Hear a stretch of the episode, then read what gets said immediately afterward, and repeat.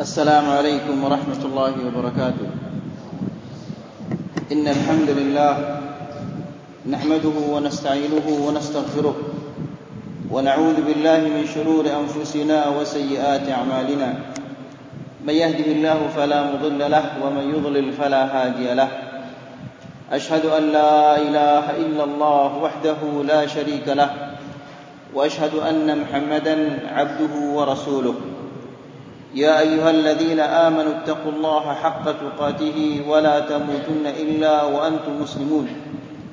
يا أيها الناس اتقوا ربكم الذي خلقكم من نفس واحدة وخلق منها زوجها وبث منهما رجالا كثيرا ونساء واتقوا الله الذي تساءلون به والأرحام إن الله كان عليكم رقيبا.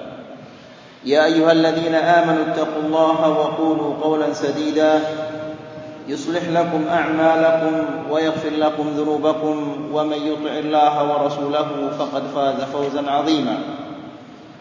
أما بعد فإن أحسن الكلام كلام الله وخير الهدى هدى محمد صلى الله عليه وسلم وشر الأمور محدثاتها فإن كل محدثة بدعة. وكل بدعة ضلالة وكل ضلالة في النار أخواني وأخواتي في الدين عزكم الله Bapak-bapak dan ibu-ibu yang dirahmati Allah Alhamdulillah Kita senantiasa bersyukur kepada Allah subhanahu wa ta'ala Yang memberikan kepada kita begitu banyak nikmah-nikmahnya Di antara nikmah yang kita rasakan pada malam hari ini Yaitu Allah subhanahu wa ta'ala memperkumpulkan kita Mempertemukan kita di salah satu rumahnya Untuk kita mengkaji firman-firman Allah serta memahami hadis-hadis Rasulullah sallallahu alaihi wasallam. Akhwani fi din azakumullah. Bapak-bapak dan ibu-ibu yang dirahmati Allah. Nabi kita Muhammad sallallahu alaihi wasallam menjelaskan di dalam hadisnya yang sahih, talabul ilmi fardhatun ala kulli muslim. Menuntut ilmu adalah wajib atas setiap muslim. Dan Allah Subhanahu wa taala menjelaskan tentang perbedaan orang yang berilmu dan orang yang tidak berilmu. Allah berfirman, "Yarfa'illahu alladhina amanu minkum walladhina utul ilma darajat." Allah Subhanahu wa taala mengangkat orang yang beriman dan berilmu di antara kalian beberapa derajat. Dan di antara ilmu yang sangat penting yang kita pelajari yaitu adalah sirah Rasulullah sallallahu alaihi wasallam dengan mempelajari sejarahnya kita dapat menambah keimanan dan kita dapat mengetahui bagaimana perjuangan-perjuangan Rasulullah sallallahu alaihi wasallam dan sahabat-sahabatnya sehingga kita dapat mengetahui agama Islam yang murni ini. Akhwani fi din azakumullah. Bapak-bapak dan ibu-ibu yang dirahmati Allah. Pada pengajian kita yang sudah lewat kita menjelaskan bahwa orang-orang Quraisy mengutus dua orang yang sangat jenius dari bangsa Arab di kalangan bangsa Arab khususnya di kalangan orang Quraisy yaitu Amr bin Al-As dan Abdullah bin Rabi'ah kedua-duanya ini diutus oleh orang Quraisy untuk pergi ke Habasyah mengembalikan kaum muslimin yang hijrah ke sana. Kemudian begitu mereka sampai ke Habasyah, mereka bersepakat, mereka bersekongkol dengan beberapa pendeta lalu mereka membuat sandiwara di hadapan Raja Najasyi.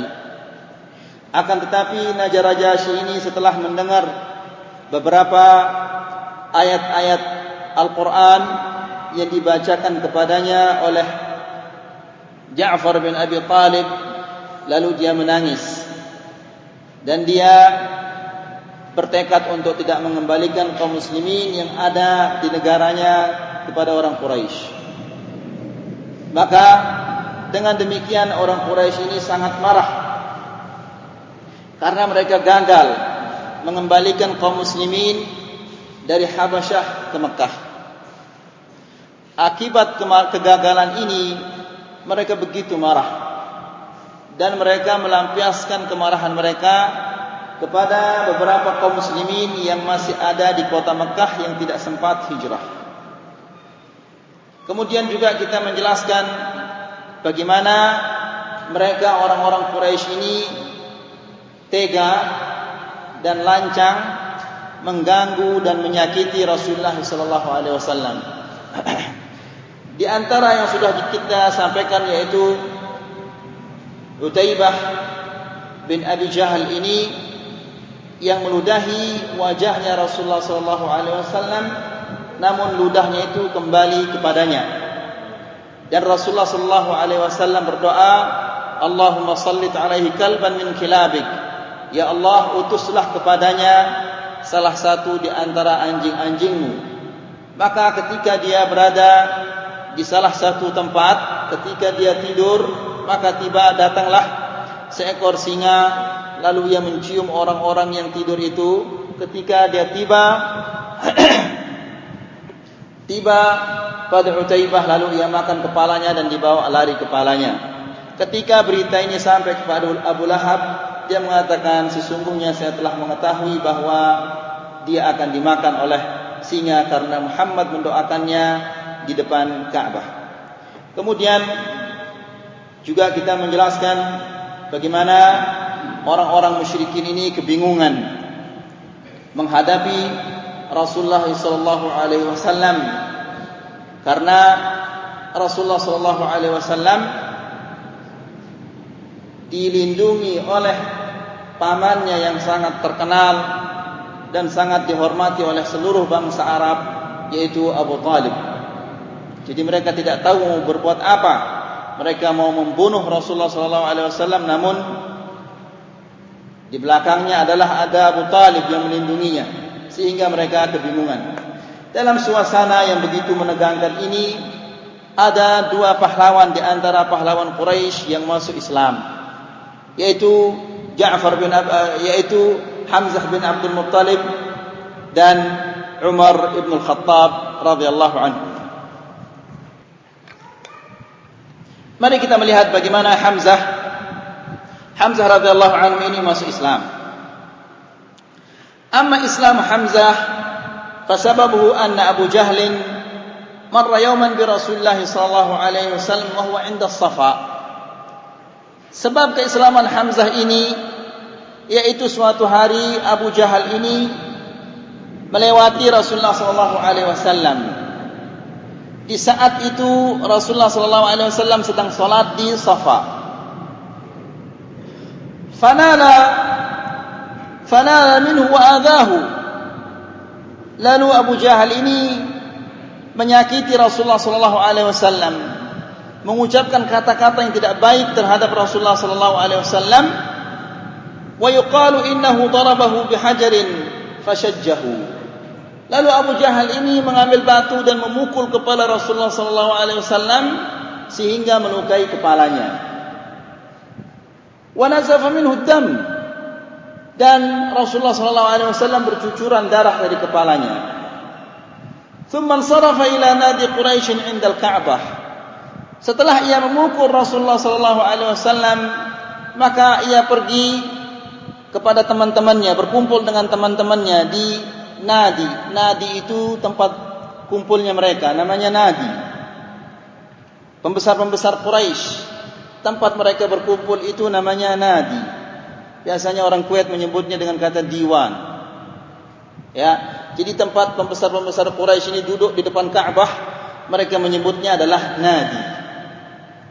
Setelah ia memukul Rasulullah sallallahu alaihi wasallam, lalu ia pergi menemui teman-temannya di tempat perkumpulan mereka wa jalasa ma'ahum dan dia duduk bersama mereka wa kanat maulatun li Abdullah bin Jud'an tanzuru ma hadatha min maskin laha 'ala safa ketika peristiwa itu berlangsung ada seorang budak wanita dari rumahnya Abdullah bin Jud'an menyaksikan apa yang terjadi mendengar dan menyaksikan apa yang terjadi dan apa yang dilakukan oleh Abu Jahal terhadap Rasulullah sallallahu alaihi wasallam. Wa ba'da qalil tidak lama kemudian aqbal Hamzah min as-sayd mutawashshihan qausahu. Tidak lama kemudian Hamzah bin Abdul Muttalib ini datang. Dia baru saja datang dari apa? Berburu. Mutawashshihan qausahu sambil menghunuskan apa? tombaknya. Fa akhbarathu al-khabar. Lalu budak wanita ini mengatakan, "Wahai Hamzah, apakah kamu tidak tahu apa yang dilakukan oleh Abu Jahal terhadap keponakanmu?" Apa yang dilakukan? Uh, tadi dia mencaci makinya, bahkan dia memukul kepalanya sehingga mengeluarkan darah dari kepalanya. Qal fa kharaja Hamzah yas'a. Lalu Hamzah ini begitu dia mendengar cerita ini langsung dia berlari mencari Abu Jahal hatta qama hatta qama ala Abu Jahal sehingga dia berdiri di hadapan Abu Jahal waqal lalu dia mengatakan ke Abu Jahal ya musaffira istah kata-kata ya musaffira istah ini bisa mengandung dua makna yang pertama musaffir diambil dari kata saffara yusaffir bersiul istah pantatnya. Artinya wahai orang yang suka ngentut. Kedua, musaffir dari kata safar yusaffir yaitu orang yang dari kata asfar kuning. Membuat kuning. Jadi dia membuat pantatnya kuning. Mungkin dulu pantatnya ini ada belang-belangnya sehingga di apa? dikuningkan dengan suatu benda atau apa saja.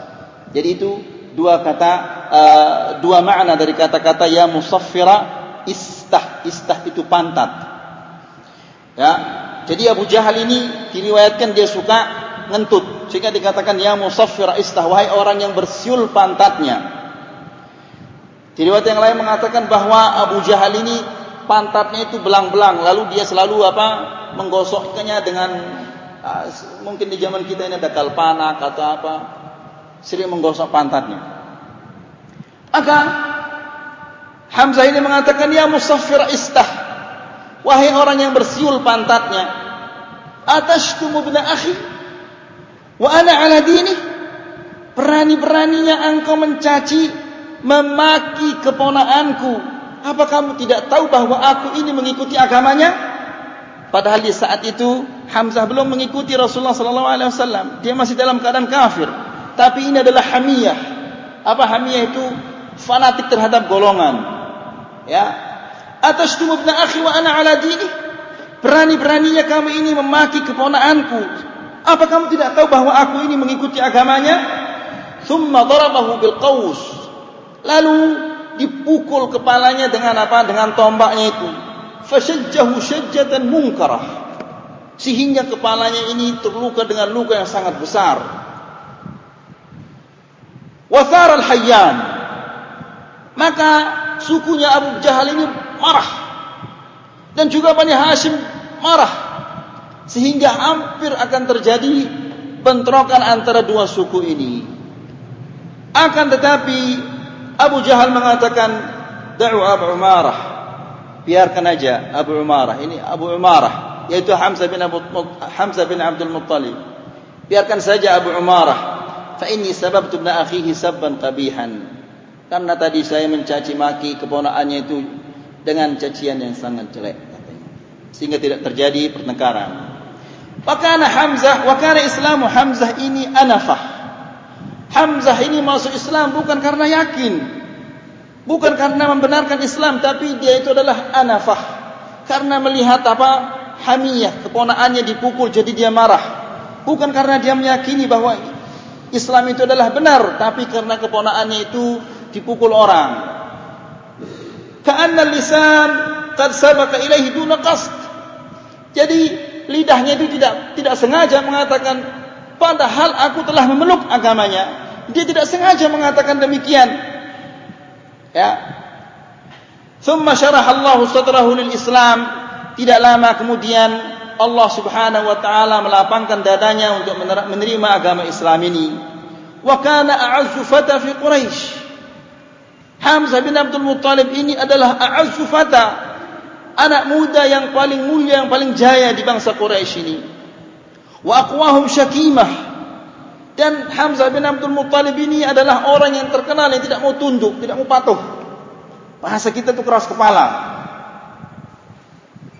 Hatta summiya Asadullah sehingga dia dinamakan Asadullah singa Allah Subhanahu wa taala.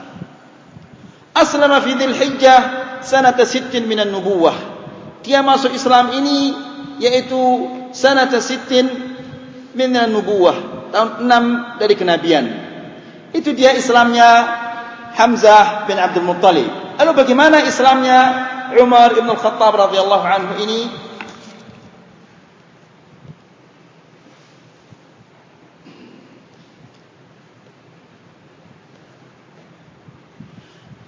أسلم في ذي الحجة سنة ست من النبوة juga Umar bin Khattab radhiyallahu anhu ini masuk Islam pada bulan Dhul tahun ke-6 tahun ke-6 dari kenabian.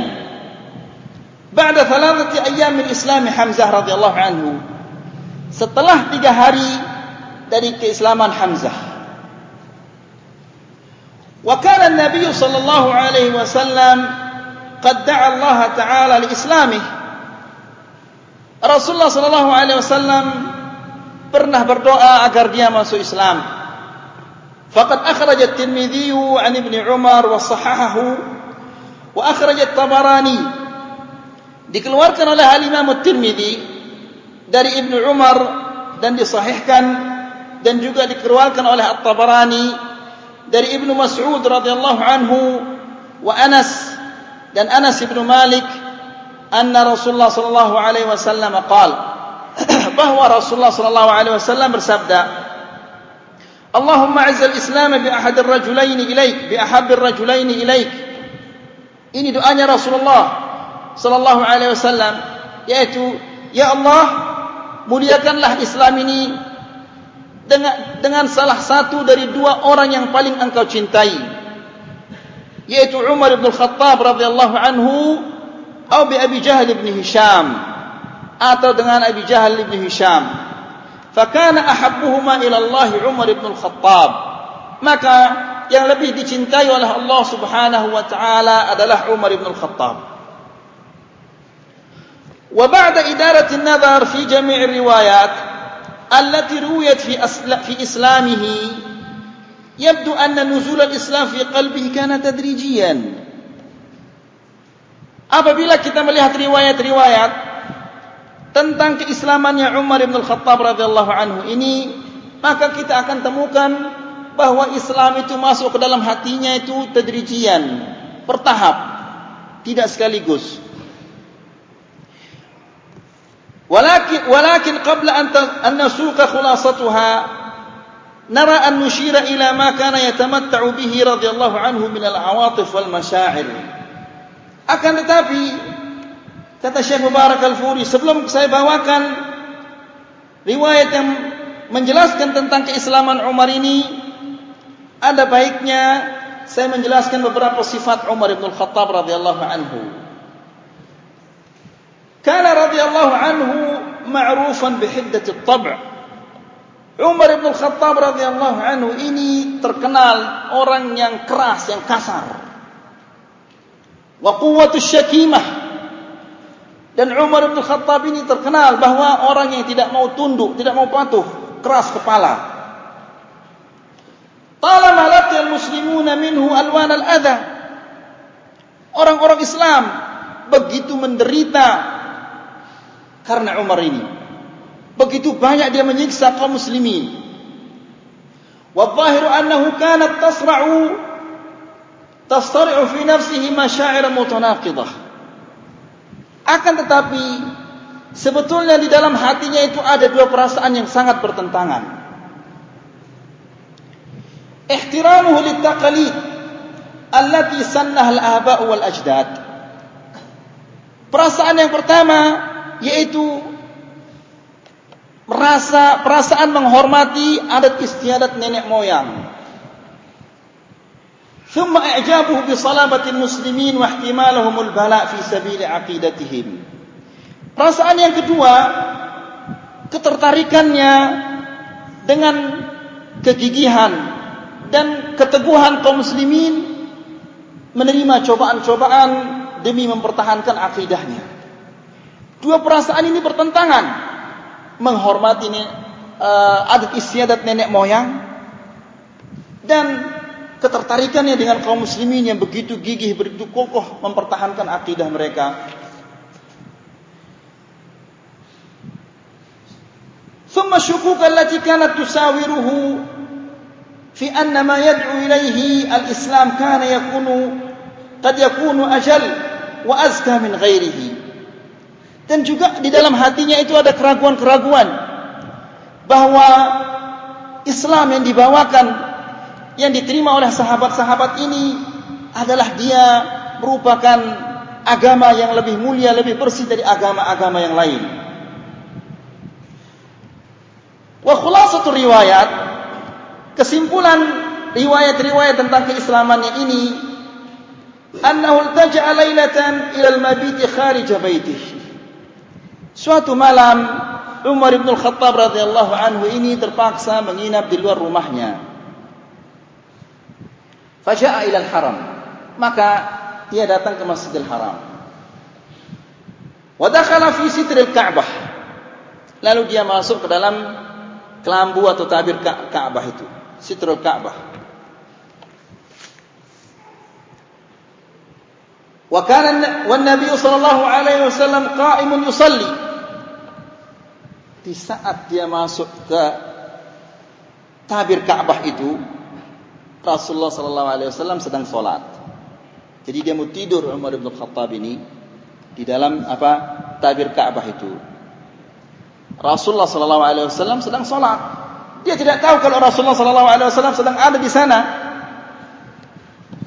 Qal wa qad istaftaha surat al-haqqah.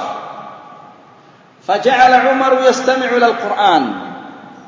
Di saat Rasulullah sallallahu alaihi wasallam salat, dia membaca surat al-haqqah. Al-haqqatu mal-haqqah.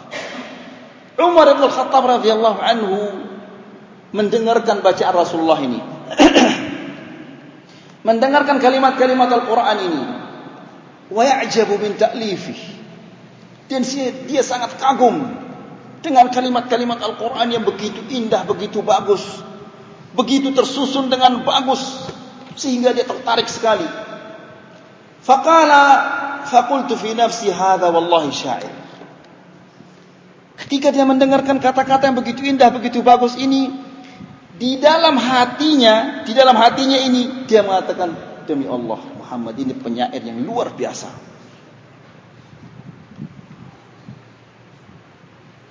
Kama qalat Quraisy sebagaimana orang-orang Quraisy itu mengatakan. Qal tiba-tiba Rasulullah sallallahu alaihi wasallam membaca innahu laqaulu rasulin karim. Wa ma huwa biqauli sya'irin qalilan ma tu'minun. Sesungguhnya Muhammad itu sesungguhnya Al-Qur'an itu bukanlah perkataan-perkataan syair. Sedikit sekali kalian beriman jadi dibantah apa yang di dalam hatinya itu dia mengatakan demi Allah Muhammad ini syair tiba-tiba Rasulullah wasallam mengatakan wa ma huwa biqauli syair Quran itu bukan perkataan penyair. Qalilam ma tu'minun. Sedikit sekali kalian beriman. Kaget dia. Mau tahu apa yang di dalam hati saya? Lalu dia mengatakan, "Qultu kahin." Kalau begitu Muhammad ini kahin. Tukang tenung ini, dia bisa mengetahui apa isi hati saya. Lagi-lagi ayat itu mengatakan, "Wala biqauli kahinin qalilan ma tadhakkarun." Quran itu bukan perkataan tukang tenung tukang ramal, dukun. Sedikit kali sekali kalian tidak mengambil pelajaran. Tanzilum min Rabbil Alamin. Sesungguhnya Quran ini diturunkan oleh Rabb semesta alam. Ila akhir surah. Sampai akhir surah. Qal fawaqa'al islamu fi qalbi. Lalu dia mengatakan sejak itu Islam itu masuk ke dalam hati saya. Tertarik saya dengan Islam itu. Karena hada awal wuku'i nawatil Islam fi qalbihi. Ini adalah pertama kali Islam itu masuk ke dalam hatinya. Lakin kanat qishratun naz'at al-jahiliyah ta'assub at-taqlidiyah. Akan tetapi fanatisme terhadap kejahiliyah golongan dan adat istiadat nenek moyang. Wa ta'adhu bi dinil aba hiya ghalibatun ala mukh al-haqiqah allati yatahammasu biha qalbuhu. Semua itu menutupi keindahan Islam yang ada di dalam hatinya. Padahal dia tertarik dengan Islam namun karena adat istiadat nenek moyang dan agama nenek moyang sehingga kebenaran itu tertutup di dalam hatinya fabaqiya mujiddan fi amalihi diddal Islam sehingga dia terus menerus tidak menghiraukan perasaannya tidak memperdulikan kebenaran yang ada dalam hatinya ini, dia terus menerus menentang agama Allah ini. Ya. Wa kana min hiddati tab'ihi wa furt adawatihi li Rasulullah sallallahu alaihi wasallam annahu kharaja yawman mutawashshihan sayfahu. Karena kekerasannya Umar ini, wataknya yang keras dan permusuhannya terhadap Rasulullah sallallahu alaihi wasallam menyebabkannya suatu hari keluar dari dari rumahnya sambil menghunuskan pedangnya. Yuridul qada 'ala Nabi sallallahu alaihi wasallam. Dia ingin membunuh Rasulullah sallallahu alaihi wasallam. Falaqiyahu Nu'aim bin Abdullah An-Naham Al-Adawi. Akan tetapi di tengah jalan dia bertemu dengan seseorang yang bernama Nu'aim bin Abdullah An-Naham. Aw rajulun min Bani Zuhrah. Di riwayat yang mengatakan, di riwayat yang lain mengatakan bahwa dia bertemu dengan seseorang dari suku Bani Zuhrah. Aw rajulun min Bani Makhzum. Ada riwayat mengatakan bahwa orang itu dari suku Bani Makhzum. Qal orang ini mengatakan, "Aina ta'madu ya Umar?" Kamu mau ke mana Umar? Uridu uridu an aqtula Muhammadan saya ini mau pergi membunuh Muhammad. Lalu orang itu mengatakan, "Kaifa ta'manu min Bani Hashim wa min Bani Zuhra wa qad qatalta Muhammadan?" Apakah kamu mengira bahwa Bani Hashim dan Bani Zuhrah ini akan diam kalau kamu membunuh Muhammad? Mereka tidak akan diam.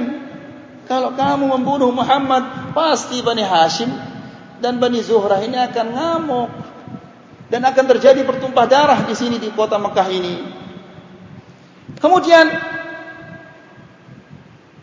faqala lahu Umar ma araka illa qad sabaut wa tarakta dinaka wa dina wa tarakta dinaka alladhi alaihi. Lalu Umar mengatakan kamu ini jangan-jangan kamu juga sudah murtad keluar dari agama nenek moyangmu Lalu orang itu mengatakan, "Qal afala adulluka 'ala al-'ajab ya Umar?" Hei Umar, maukah kamu saya tunjukkan kepada sesuatu yang lebih mengherankan? "Inna ukhtak wa khatanaka qad sabawa." Apa kamu tidak tahu Umar? Bahwa saudara perempuanmu dan suaminya sudah masuk Islam, sabawa, keluar dari agamanya. Wa taraka dinaka alladhi ataita alaihi. Wa taraka dinaka alladhi anta alaihi. Dan saudara perempuanmu dan suamimu dan suaminya kini telah meninggalkan agamamu agama yang kamu anut itu mereka sudah tinggal famasha umar damiran hatta atahuma wa indahuma khabbab ibn al-arad lalu umar ibn al-khattab ini marah kepada saudaranya dan suaminya itu iparnya lalu langsung dia pergi ke rumah saudaranya itu. Di saat itu di rumah saudaranya ini ada seseorang sahabat yang bernama Khabbab bin Al-Arad.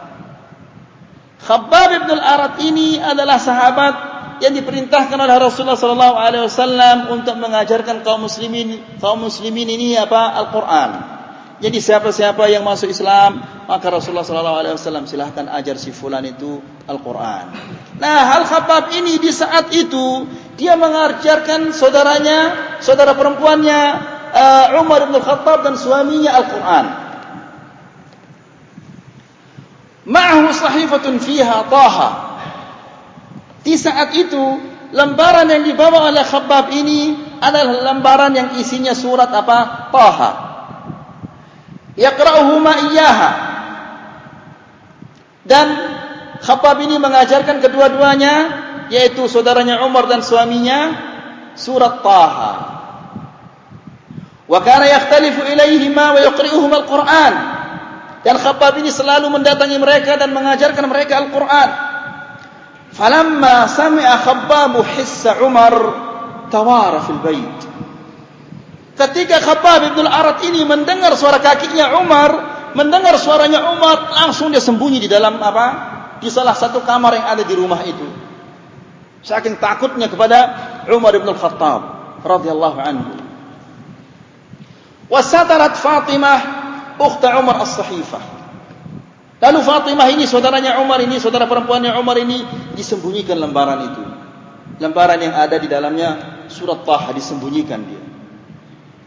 Wa kana qad sami'a hina dana min al-bait qira'at Khabbab bin al-Ahad. Umar ketika mendekati rumah saudaranya itu, dia sudah mendengar ada orang membaca Al-Quran dari dalam rumah itu. Falamma dakhala alaihima ketika Umar masuk ke rumah mereka dia mengatakan ma hadhil hainamah allati sami'tuha indakum? Suara apa yang saya dengar di rumah kalian baru itu? Ada suara tidak jelas. Suara apa yang saya dengar di rumah kalian baru itu? Maka kedua-duanya yaitu saudara perempuannya Fatimah ini dan suaminya mengatakan ma ada hadithan tahaddathnahu Bainana. Oh, tidak ada, cuma sekedar apa kita berbicara berdua. Tidak ada apa-apa. Maka Umar mengatakan, "Fala'allakuma qad sabatuma." Jangan-jangan kalian sudah keluar dari agama kalian ya. Faqala lahu khatana. Lalu iparnya itu mengatakan, "Ara'aita in kana al-haqqu fi ghairi dinik?" Wahai Umar, bagaimana seandainya kebenaran itu ada di selain agamamu. Ya. Begitu dia mendengar kata-kata ini bahwa kebenaran itu ada di selain agamamu, langsung fawathaba ala khatanihi fawata'ahu wat'an syadida. Langsung dia lompat dan terjang dan menerjang ibarnya itu dan diinjak sama Umar bin Khattab radhiyallahu anhu. Umar bin Khattab ini adalah besar. Kalau dia berdiri seolah-olah sahabat-sahabat itu duduk, kalau dia naik onta naik keldek kakinya ngeros apa? Di tanah itu kakinya saking tingginya Umar. Ya. Dan semua sahabat-sahabat ini mendapatkan satu jatah kain dia jatahnya dua. Karena tidak cukup. Dia terlalu besar. Jadi bayangkan orang yang begitu besar itu menerjang orang yang kecil lalu diinjak oleh Umar bin Khattab radhiyallahu anhu. Qal Fawata'ahu wat'an syadida lalu diinjak dia oleh Umar bin Khattab radhiyallahu anhu. Faja'at ukhtuhu farafa'athu an zawjiha fanafaha nafhatan bi yadihi fadama wajhaha. Lalu saudara perempuannya ini ingin apa? menjauhkannya dari suaminya lalu ditempeleng sama Umar bin Khattab radhiyallahu anha fa adma wajhaha. Lalu wajahnya ini berdarah. Dibayangkan tangannya Umar bin Khattab radhiyallahu anhu eh, bukan satu telapak tapi seperti dua telapak manusia. Dia menempeleng adalah seorang perempuan. Qal fadama wajhaha wa fi riwayat Ibn Ishaq qal darabaha fashajjaha. Di riwayat Ibn Ishaq mengatakan dipukul kepalanya oleh Umar bin Khattab sehingga kepalanya ini bercucuran darah. Faqalat wa hiya ghadba. Lalu saudaranya ini marah, dipukul sama kakaknya ini marah dia dalam keadaan marah dia mengatakan ya Umar in kana al-haqq fi ghairi dinik. Asyhadu an la ilaha illallah wa asyhadu anna muhammadar rasulullah. Engkau apa Umar? Kalau seandainya kebenaran itu di luar agamamu aku bersaksi bahwa tiada tuhan yang berhak disembah kecuali Allah dan aku bersaksi bahwa Muhammad adalah utusan Allah. Mau apa kamu? Umar bin Khattab melihat apa adiknya yang begitu tegas ini. Falamma ya isa Umar wa ra'a ma bi ukhtihi min ad-dam istaha. Dia melihat adiknya bercucuran darah dan adiknya itu apa? tidak mau uh, sikapnya begitu keras mempertahankan agamanya ini maka Umar bin Khattab jadi malu dia malu sendiri memukul apa memukul menginjak iparnya dan memukul saudaranya qal a'tuni hadzal kitab alladhi indakum aqra'uhu lalu dia mengatakan kalau gitu mari bawa ke sini lembaran itu saya mau bacanya yang disembunyikan tadi sama saudaranya faqalat ukhtuhu innaka rijs saya tidak akan berikan kepadamu karena kamu ini adalah orang yang najis. Bayangkan kakaknya dikatakan demikian kamu ini adalah najis. Baru saja ditempelek. Sekarang dikatakan kamu ini adalah najis.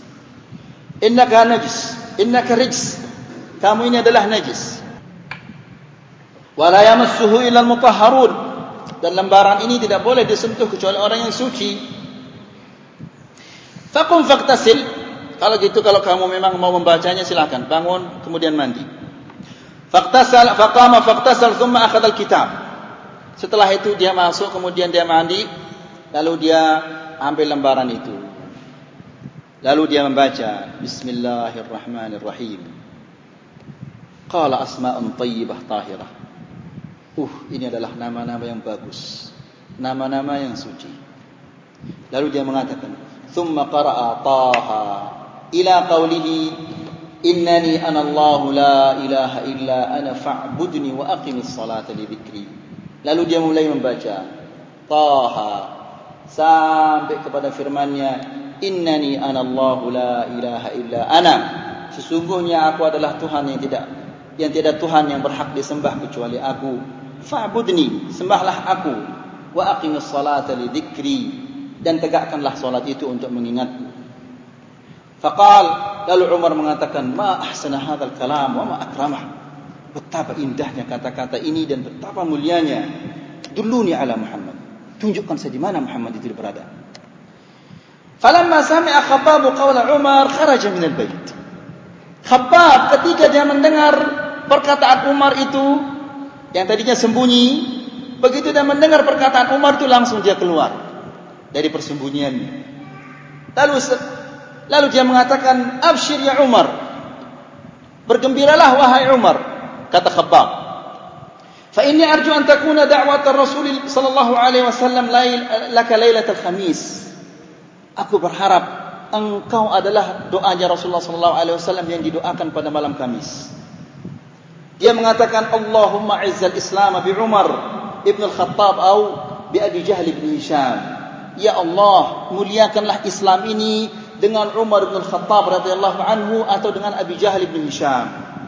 Wa Rasulullah sallallahu alaihi wasallam fi dar allati fi asli Safa. Di saat itu Rasulullah sallallahu alaihi wasallam berada di rumah Al-Arqam bin Abi Al-Arqam yang di bawah bukit Safa. Fa akhadha Umar sayfahu fatawashshahahu. Lalu Umar mengambil pedangnya sambil menghunuskannya dia keluar dari rumah saudaranya. Thumma انطلق hatta atad dar. Lalu dia mendatangi rumah tempatnya Rasulullah sallallahu alaihi wasallam. Fadarab al-bab. Lalu dia mengetuk pintu itu. Faqama rajulun yanzuru min خلال bab. فرآه متوشحا سيفه فأخبر رسول الله صلى الله عليه Begitu dia mendengar pintu diketuk, ada salah seorang sahabat mengintip dari lubang pintu dilihat Umar ibn Khattab radhiyallahu anhu sambil menghunuskan pedangnya. Wah, celaka ini. Umar datang menghunuskan pedangnya. Wastajma'al qaum. Lalu orang-orang yang berada di rumah itu berkumpul. Apa yang kita lakukan sekarang ini? Umar ada di depan pintu. Fa in kana faqala Hamzah. Di saat itu Hamzah bin Abdul Muttalib ada di dalam rumah itu. Dilihat orang-orang ini panik, Sahabat-sahabat di dalam rumah ini panik. Faqala, "Malakum?" Kenapa kalian ini panik-panik, takut-takut? Kenapa? Qalu, "Umar." Umar di belakang pintu ini ada Umar. Umar yang bergedor itu, yang mengetuk pintu itu adalah Umar. Faqal, "Wa Umar." Siapa itu Umar itu? Yani taklil ini bahasa Arab. Wa Umar. Siapa itu Umar? Hal iftahu lahu al-bab. Bukakan dia pintu itu. Fa in ka fa in kana jaa yuridu al-khair fadallna lah. Kalau Umar itu datang menginginkan kebaikan, kita berikan dia kebaikan. Wa in kana jaa yuridu syarran qatalnahu bi sayfihi. Kalau dia datang menginginkan kejelekan, kita bunuh dia dengan pedangnya itu. Ya, Wa Rasulullah sallallahu alaihi wasallam dakhilun yuha ilaihi. Dan di saat itu Rasulullah sallallahu alaihi wasallam di dalam rumah lagi turun wahyu kepadanya. Fa kharaja ila Umar hatta laqiyahu fil hujrah. Maka dia menemui Umar sudah masuk ke dalam rumah itu. Fa akhadha bima jami'i thawbihi wa hama'ili sayfihi. Lalu Rasulullah sallallahu alaihi wasallam memegang bajunya dan dililit apa dengan uh, sarung pedangnya itu. Sarung pedangnya itu punya tali itu di di apa namanya dipegang sama Rasulullah sallallahu alaihi wasallam dengan bajunya Umar radhiyallahu anhu. Seraya thumma jabadahu jabla shadida ditarik oleh Rasulullah sallallahu alaihi wasallam dengan tarikan yang kuat. Faqal lalu dia mengatakan, "Ama anta muntahin ya Umar? Apakah engkau tidak akan berhenti wahai Umar? Hatta yanzilallahu bika min al-khizyi wan nakal ma nazala bil Walid bin Al-Mughirah?" Apakah engkau tidak akan berhenti sampai Allah Subhanahu wa taala menurunkan siksaan kepadamu sebagaimana ia telah menurunkan kepada Al-Walid bin Mughirah? Lalu Rasulullah sallallahu alaihi wasallam mengatakan, "Allahumma hadza Umar, Allahumma izz al-Islam bi Umar bin Al-Khattab." Ya Allah, ini adalah Umar. Ya Allah, muliakanlah Umar bin Al-Khattab ini. Muliakanlah Islam ini dengan dengan Umar bin Al-Khattab radhiyallahu anhu.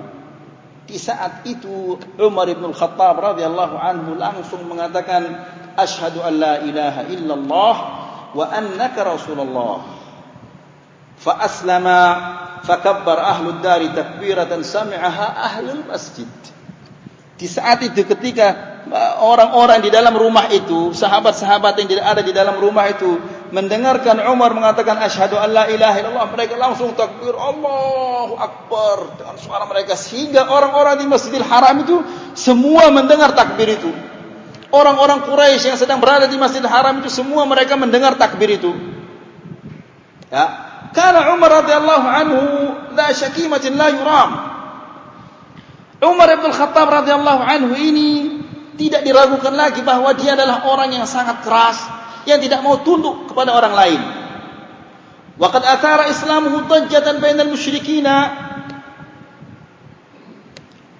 Masuknya Islam Umar ini membuat kehebohan di kota Mekah ini. Membuat kegelisahan yang sangat besar di kalangan orang-orang musyrikin. Wa kasal muslimina izzatan wa syarafan wa surura. Dengan masuknya Umar ke dalam Islam ini orang-orang Islam mulai menjadi apa? Jaya dan mulia. Rawa Ishaq, rawa Ibnu Ishaq an Umar qal.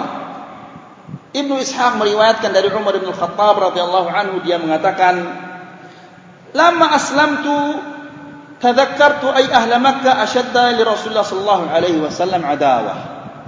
Ketika saya masuk Islam katanya Umar, saya mengingat siapa kira-kira di antara penduduk Makkah ini yang paling benci kepada Rasulullah sallallahu alaihi wasallam saya cari dia. Qal fa qultu Abu Jahal. Oh, orang yang paling benci kepada Rasulullah itu adalah Abu Jahal. Didatangi oleh Umar. Fa ataituhu. Lalu saya mendatanginya hatta darabtu alaihi al-bab fa kharaja ilayhi. Saya mengetuk rumahnya, mengetuk pintu rumahnya dan dia datang membuka pintu. Wa qala ahlan wa sahlan Majabik. Abu Jahal ini mengatakan, Ahlan wa sahlan, selamat datang. Mengapa kamu datang wahai Umar? Qal Umar mengatakan, "Ji'tu li ukhbirak anni qad amantu bi Rasulillah, amantu billahi wa bi rasulih Muhammad wa saddaqtu bima ja'a bih." Wahai Abu Jahal, saya ini ke sini memberitahu kamu bahwa saya ini telah beriman kepada Allah dan beriman kepada Rasulnya Muhammad dan saya beriman kepada agamanya. Qal fadarab al-bab fi wajhi lalu dia tutup pintu di depan wajah saya ya ini darab al-bab bukan dipukul tapi ditutup pintu di wajah saya. Wa qala qabbahaka Allah wa qabbaha ma ji'ta bihi. Semoga Allah mencelakaimu dan mencelakai apa yang engkau bawa. Katanya Abu Jahal. Wa dzakara Ibnu Al-Jauzi jadi orang-orang Islam itu masuk Islam sembunyi-sembunyi. Tapi Umar bin Khattab radhiyallahu anhu justru dicari orang-orang yang siapa yang musuh Rasulullah itu. Orang yang paling benci kepada Rasulullah sallallahu alaihi wasallam siapa orang itu? Saya akan beritahu bahawa saya telah masuk Islam. Ya. Wa dzakara Ibnu Jauzi anna Umar bin Khattab radhiyallahu anhu qal Ibnu Jauzi mengatakan bahawa Umar bin Khattab radhiyallahu anhu mengatakan kana ar-rajulu idza aslama ta'allaqa bihi ar-rijal fayadribunahum fayadribunahu wa yadribunahum.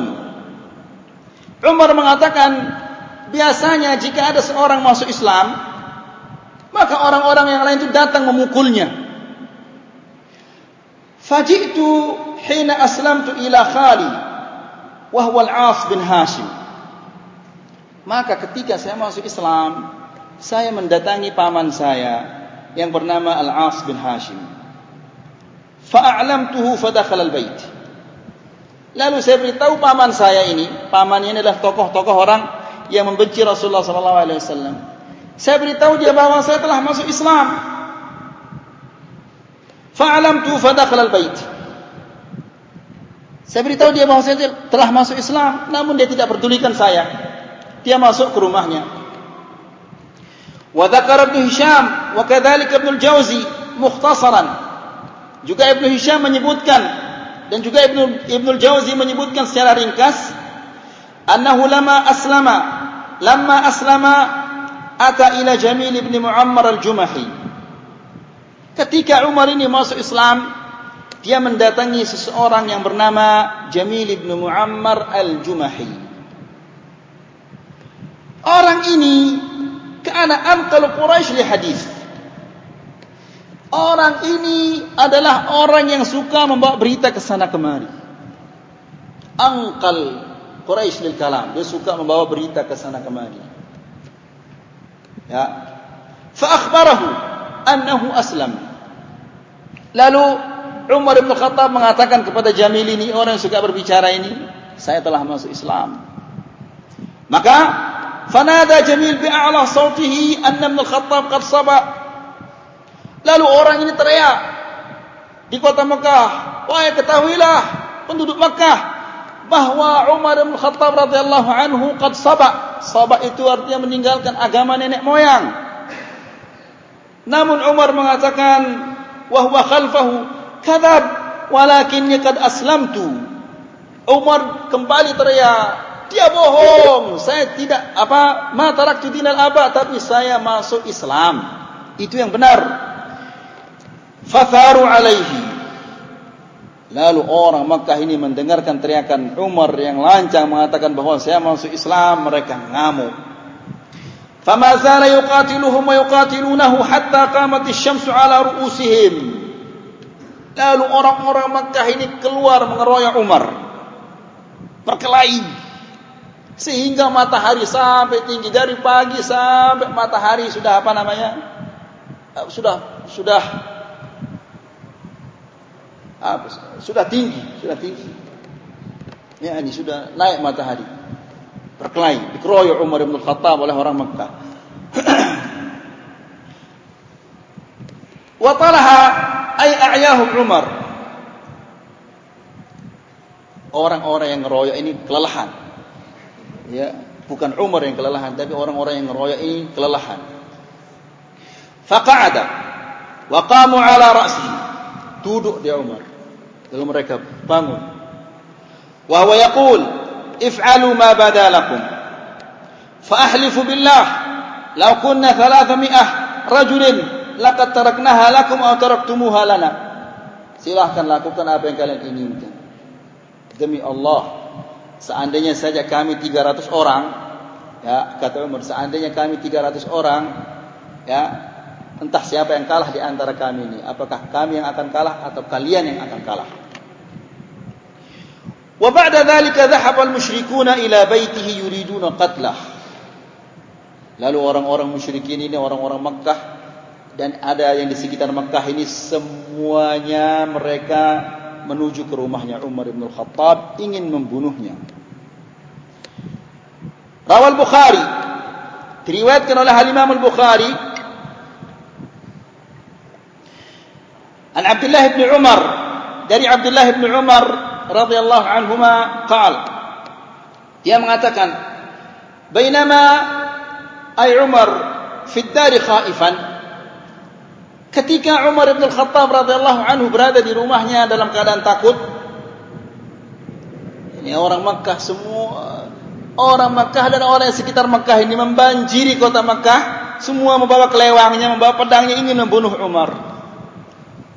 Ya takut di Umar di rumahnya. Idja'ahu al-As bin Wa'il as-Sahmi.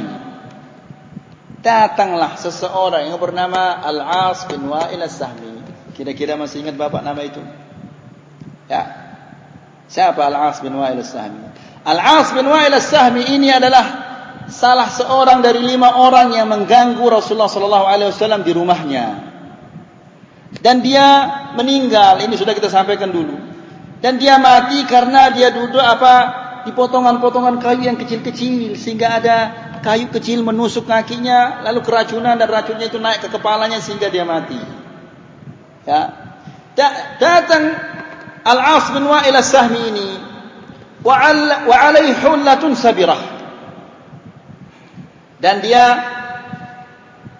memakai hullah baju yang bagus. Ada mengatakan sabirah ada mengatakan habirah. Kalau habirah itu adalah jubah dari uh, negeri Yaman itu namanya habirah ini sabirah bukan habirah sabirah ya bedakan itu ada mengatakan hullatun habirah ada mengatakan hullatun sabirah.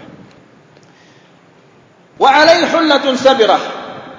Wa qamis makfufun biharir. Dia memakai baju jubah yang indah yang bagus dan makfuf di tangannya ini ada sedikit sutranya bercampur dengan sutra. Artinya pakaiannya adalah pakaian yang sangat indah, sangat bagus bercampur dengan sutra. Wahwa min bani Saham. Dan Al-As bin Wa'il ini dari suku Bani Saham. Wahum hulafa'una fil jahiliyah. Dan Bani Saham ini mempunyai perjanjian setia kawanan dengan sukunya Umar bin Al-Khattab. Kalau sudah ada apa namanya perjanjian kesetia kawanan, mereka tidak boleh saling mengganggu. Kalau ada yang ganggunya mereka sama-sama melawannya. Ya, mereka saling membantu, membantu. Jika sudah mereka itu adalah hulafa, hulafa yakni mempunyai apa perjanjian setia kawanan.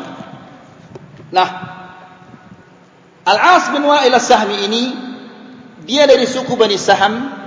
Bani Saham ini mempunyai perjanjian setia kawanan dengan sukunya Umar bin Khattab radhiyallahu anhu yaitu uh, Bani Adi.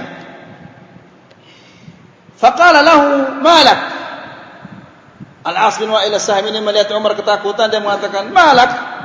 Ada apa? Ada apa Umar?" Qal za'ama qaumuka annahum sayaqtulunani an aslamt. Apa kamu tidak lihat? Kaummu ini akan membunuh saya gara-gara saya masuk Islam. Qal la sabila ilaik. Tenang. Tidak ada orang di Mekah ini yang akan mampu membunuhmu. Ba'da an qalaha amint. Setelah saya mendengarkan kata-katanya itu, saya merasa tenang karena dia ini adalah orang yang sangat dihormati dan dipatuhi di kota Mekah. Fakharaj al-As. Maka dia keluar dari Al-As ini, keluar dari rumahnya Umar bin Khattab radhiyallahu anhu. Falaqiyan nas qad sala bihimul wadi. Lalu ketika dia keluar dari rumahnya Umar bin Khattab radhiyallahu anhu, dia melihat orang-orang ini sudah membanjiri kota Mekah. Faqala aina turidun? Mau ke mana kalian ini? Faqala hadha bin Khattab alladhi qad saba. Kami ini ingin mendatangi Umar bin Khattab radhiyallahu anhu yang telah meninggalkan agama nenek moyangnya, kami akan membunuhnya. Faqala la sabila ilaihi. Kalian tidak akan mampu membunuhnya. Tidak ada jalan untuk membunuh Umar itu. Fakarran nas Lalu mereka langsung bubar ketika mendengarkan kata-katanya Al-As bin Wa'il As-Sahmi, kalian tidak akan mampu membunuhnya, tidak ada jalan untuk membunuh Umar itu. Fakarran nas, mereka langsung segera bubar. Ibnu Ishaq mengatakan, laka annama kanu thawban kushita anhu. Seolah-olah orang melepaskan pakaiannya. Maksudnya begitu mereka mendengarkan kata-katanya Al-As bin Wa'il As-Sahmi, hush, langsung mereka bubar seolah-olah orang melepaskan pakaiannya. Jadi begitu cepat mereka bubar. Hada bin nisbati lil musyrikin. Itu adalah reaksi yang terjadi terhadap orang-orang musyrikin.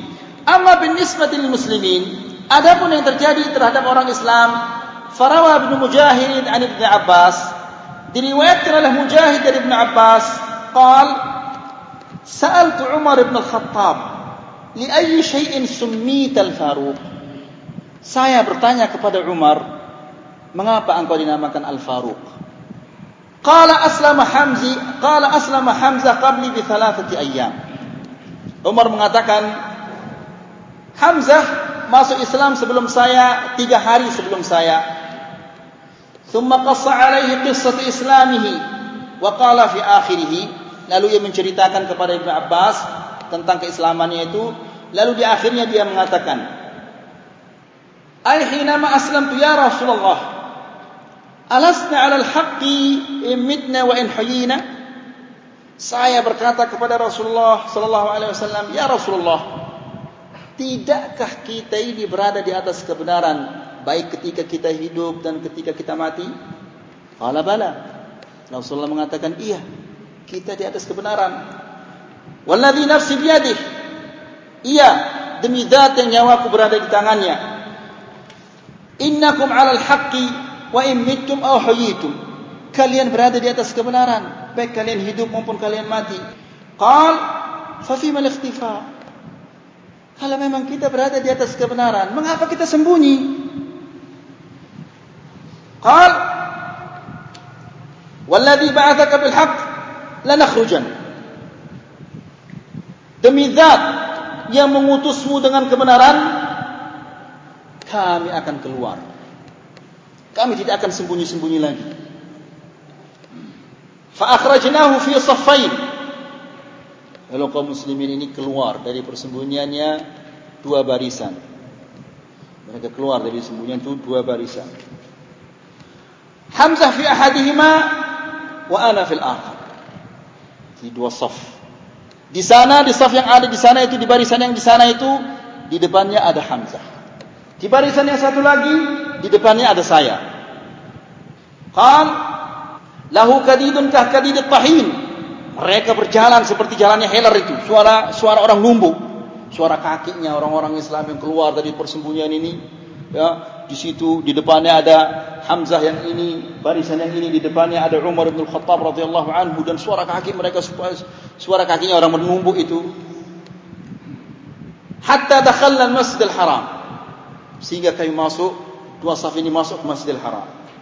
Qal fa nadartu ila Quraisy wa ila Hamzah fa asabatum ka'abatun lam yusibhum mithlaha. Maka aku melihat orang-orang Quraisy memandangi Hamzah di saf ini ada Hamzah, di barisan ini ada Hamzah di depan. Begitu mereka melihat Hamzah ada di depannya, mereka ditimpa oleh kesusahan dan kesedihan yang tidak pernah menimpa mereka. Mereka tidak bisa berbuat apa-apa sekarang di depan sana ada Hamzah, mereka enggak berani macam-macam. Ada Asadullah di depannya. Ya. Fa asabatum ka'abatun lam yusibha mithlaha. Fasammani Rasulullah sallallahu alaihi wasallam al-Faruq yawma idzin.